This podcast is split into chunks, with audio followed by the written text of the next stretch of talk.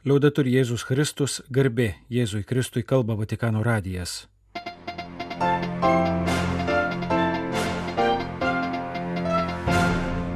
Malonus klausytojai šioje programoje. Popiežiaus audiencijos. Makso Planko draugijos delegacijai ir rytų ortodoksų bažnyčių dvasininkų bei vienuolių grupiai. Nauji šventųjų skelbimo dikasterijos dekretai. Šis karas turi kuo greičiau baigtis, sako Vatikano diplomatijos vadovas. Jis kilo iš nuodėmės užnuodyto širdies, pridūrė Vatikano atstovas jungtinėse tautose. Popiežiaus parama nukentėjusiesiems nuo žemės drebėjimo Turkijoje ir Sirijoje.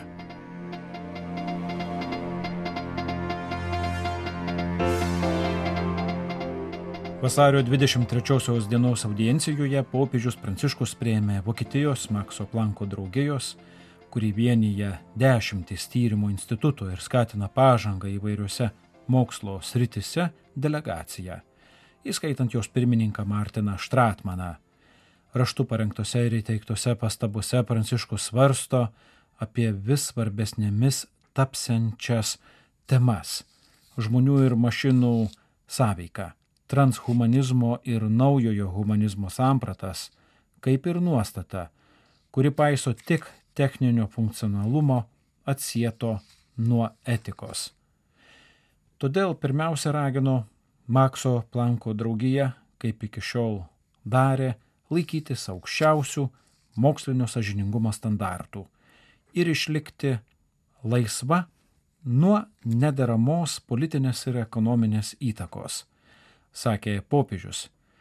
Pasak jo, tai būtina sąlyga visuose mokslinio darbo etapuose, nuo pradžios iki pabaigos ar mokslo rezultatų panaudojimo.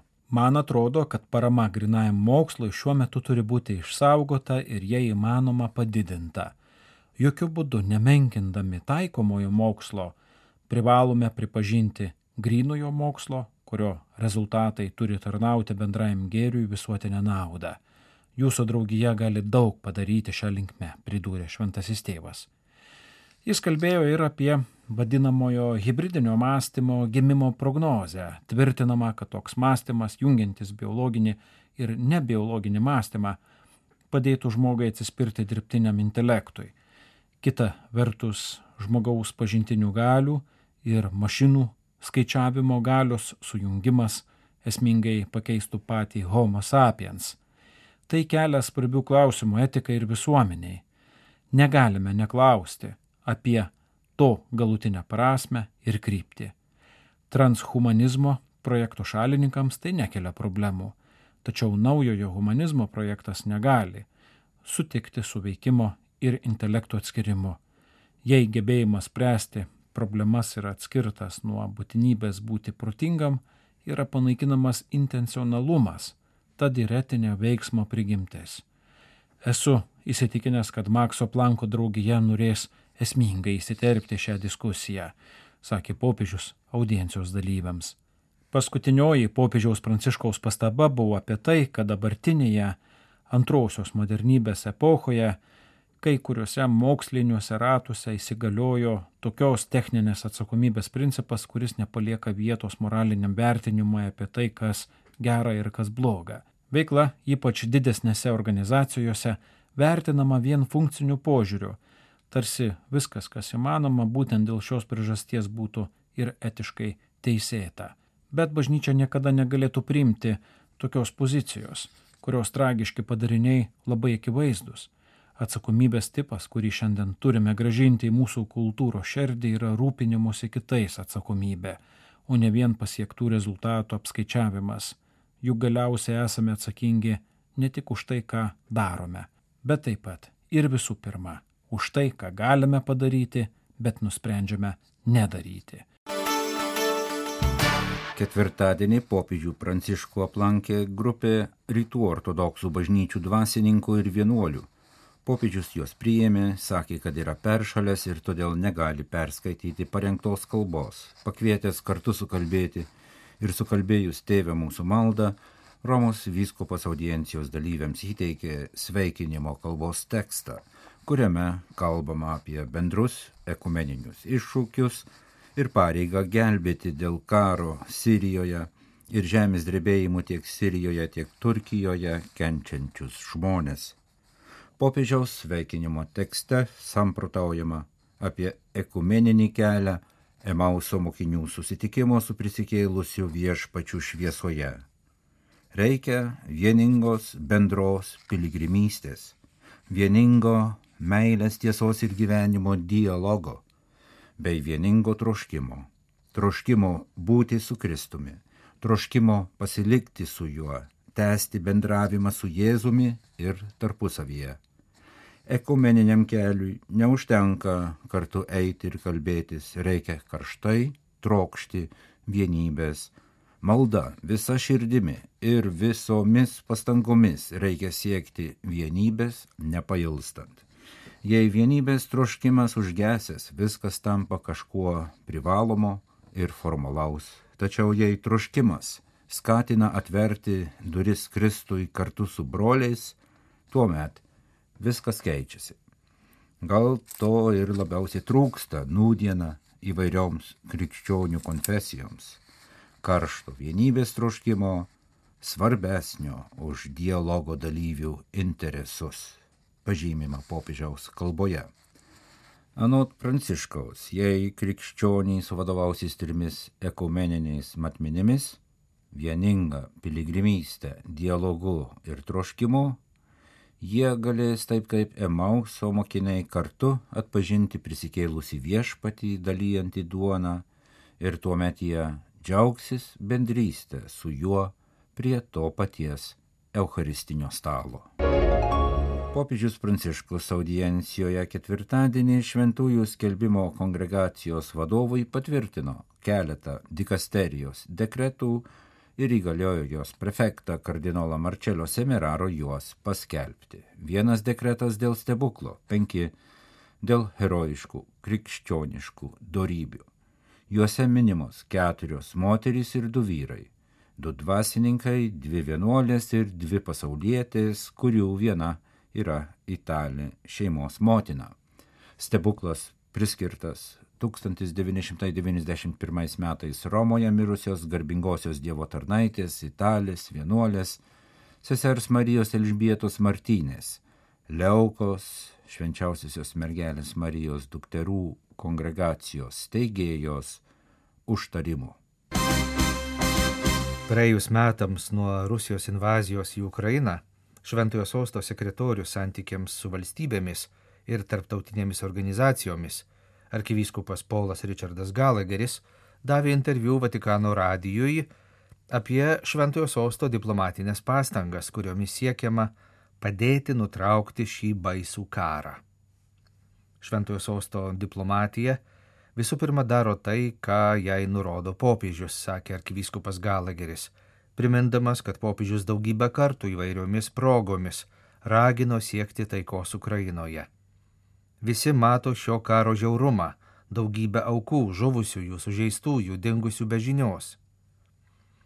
Smergdami karo žiaurumus, visada esame pasirengę prisidėti prie galimų darybų, kurios turėtų užbaigti šį baisų karą, sakė Vatikano diplomatijos vadovas, pabrėždamas, kad bažnyčia šventasis sostas ir popiežius gali ir privalo tai daryti. Ir tai yra esminis dalykas - palaikyti taikos svajonę. Arkivyskupas pridūrė, kad dabartinėmis sąlygomis, kai tiek daug kančios, sunku įsivaizduoti taikos dėrybas, tačiau kažkas turi to siekti, kad kuo greičiau šis baisus karas baigtųsi. Arkivyskupas Galageris pabrėžė, kad šis karas sugriovė visų europiečių tikėjimą, kad po antrojo pasaulinio karo Europoje daugiau niekada nebebus karų. Visi karai yra baisus, tačiau šis karas visus pastato į labai sunkę padėtį dėl Rusijos iki šiol turėto svorio tarptautinėje bendruomenėje. Visi mato Rusijos atsakomybę už tai, kas vyksta. Taip pat supranta, kad galiausiai taika turės būti atkurta ir reikės palaikyti santykius su Rusija ateityje. To suvokimas šį karą daro dar labiau sudėtinga, sakė arkivyskupas. Pokalbėje buvo taip pat paminėtas Šventojo sosto diplomatijos vadovo vizitas Ukrainoje praėjusiu metu gegužės mėnesį. Arkivyskupas prisipažino, kad tas vizitas jį labai paveikė.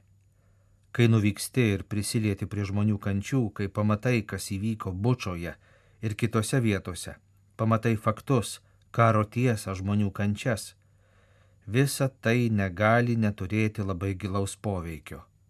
Tai nėra kažkas teorinio, bet asmeniškas prisilietimas prie žaizdų, prie tautos kančios.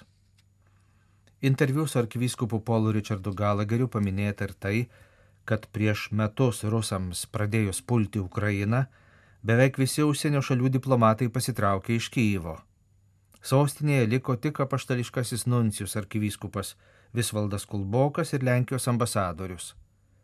Arkivyskupas paaiškino, kad šiuo atveju nebuvo priimtas koks nors konkretus sprendimas, bet viskas susiklostė spontaniškai.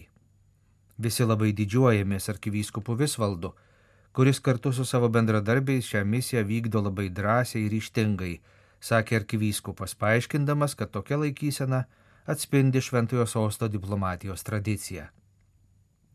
Galime sakyti, kad idėja pasilikti, dalytis tautos kančia yra mūsų diplomatijos dalis. Popiežius nenori primesti žmonėms aukų ir kančių, bet jis nori, kad per jo atstovus reikštųsi solidarumo dvasia, būtų liudijamas jo artumas. Šventojo sosto nulatinis stebėtojas Junktinių tautų organizacijoje arkivyskupas Gabrielė Kačia vasario 22 dieną dalyvavo Generalinės asamblėjos specialioje sesijoje surinktoje minint pirmasias Rusijos invazijos į Ukrainą metinės. Savo kalboje arkivyskupas paragino visas šalis būti atviromis dialogui neužtrenkti durų į taiką. Jis pabrėžė karo nežmoniškumą, ypač vaikų deportaciją. Šventasis sostas ragina visas valstybės visada atsižvelgti į vaikus. Vaikai niekada neturi būti rengiami karui ar naudojami politiniai propagandai, pareiškė Vatikano diplomatas. Jis taip pat pasmerkė išpolius prieš civilinę infrastruktūrą.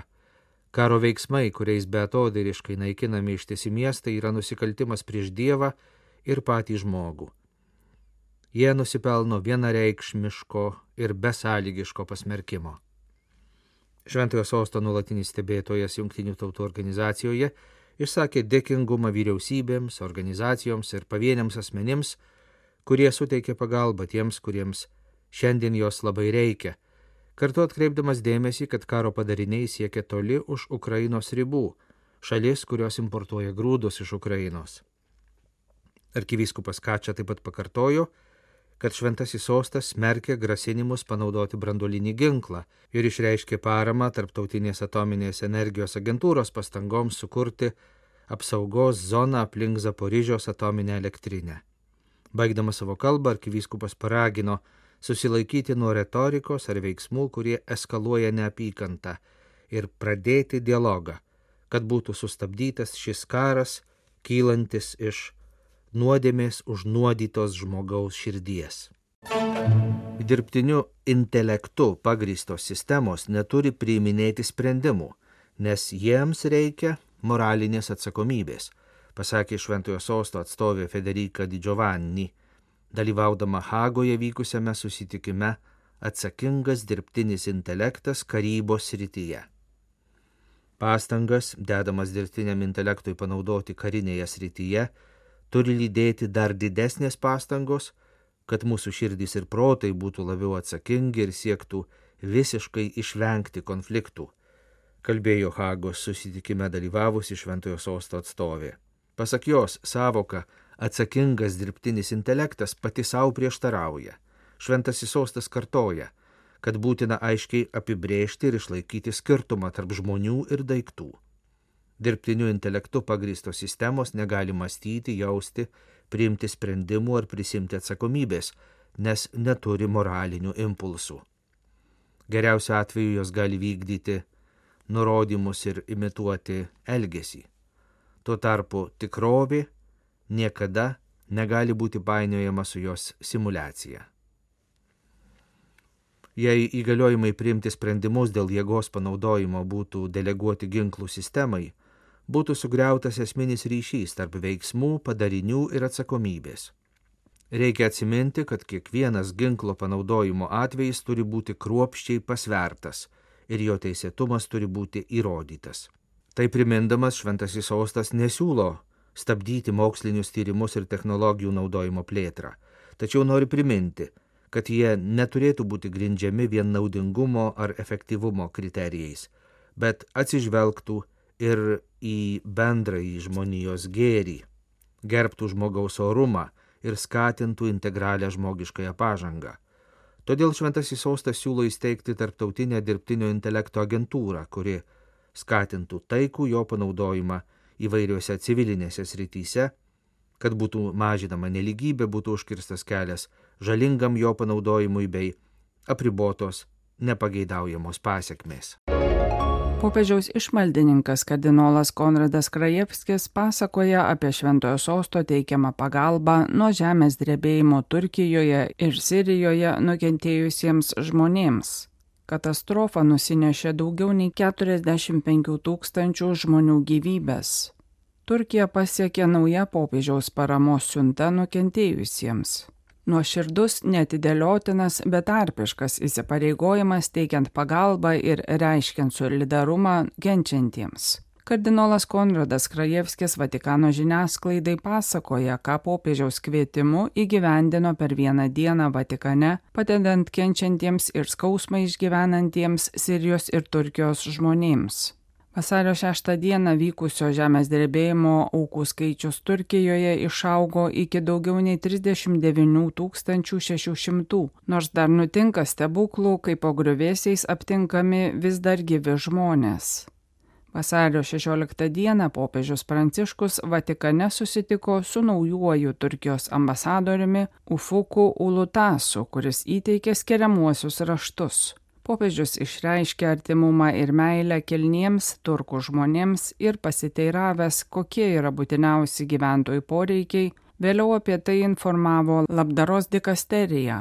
Praėjus valandai po susitikimo su šventuoju tėvu sutikau ambasadorių, kuris man paaiškino, ko jiems reikia, sako kardinolas Konradas Krajevskis. Reikmių sąrašo didžiąją dalį sudarė maisto produktai, taip pat hygienos priemonės, vystiklai ir visa, kas gali padėti išbūti šaltyje, atlaikyti įvairias sąlygas. Kardinolas Krajevskis pasakoja, kad tą dieną Vatikane visi puolė ruošti siuntų, kurios vėliau pakrautos į sunkvežimį ir išgabentos į oro uostą.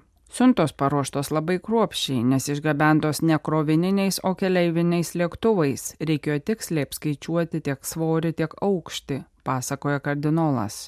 Evangelijoje visada sakoma šiandien, o ne rytoj. Kai Jėzus darė stebuklus, jis padarė juos iš karto, nesakė nei po savaitės ar po kurio laiko. Taip ir mes padarėme, sako kardinolas Krajevskis. Tuo pat metu rytų bažnyčių dikasterijos prefektas vyskupas Klaudijo Gudžeroti aplankė nuo žemės drebėjimo nukentėjusią teritoriją Sirijoje, kur žemės drebėjimas nusinešė virš 5800 gyvybių. Per kelionę jis užsuko ir į Turkiją, kad išreikštų popiežiaus artumą nuo žemės drebėjimo nukentėjusiems gyventojams.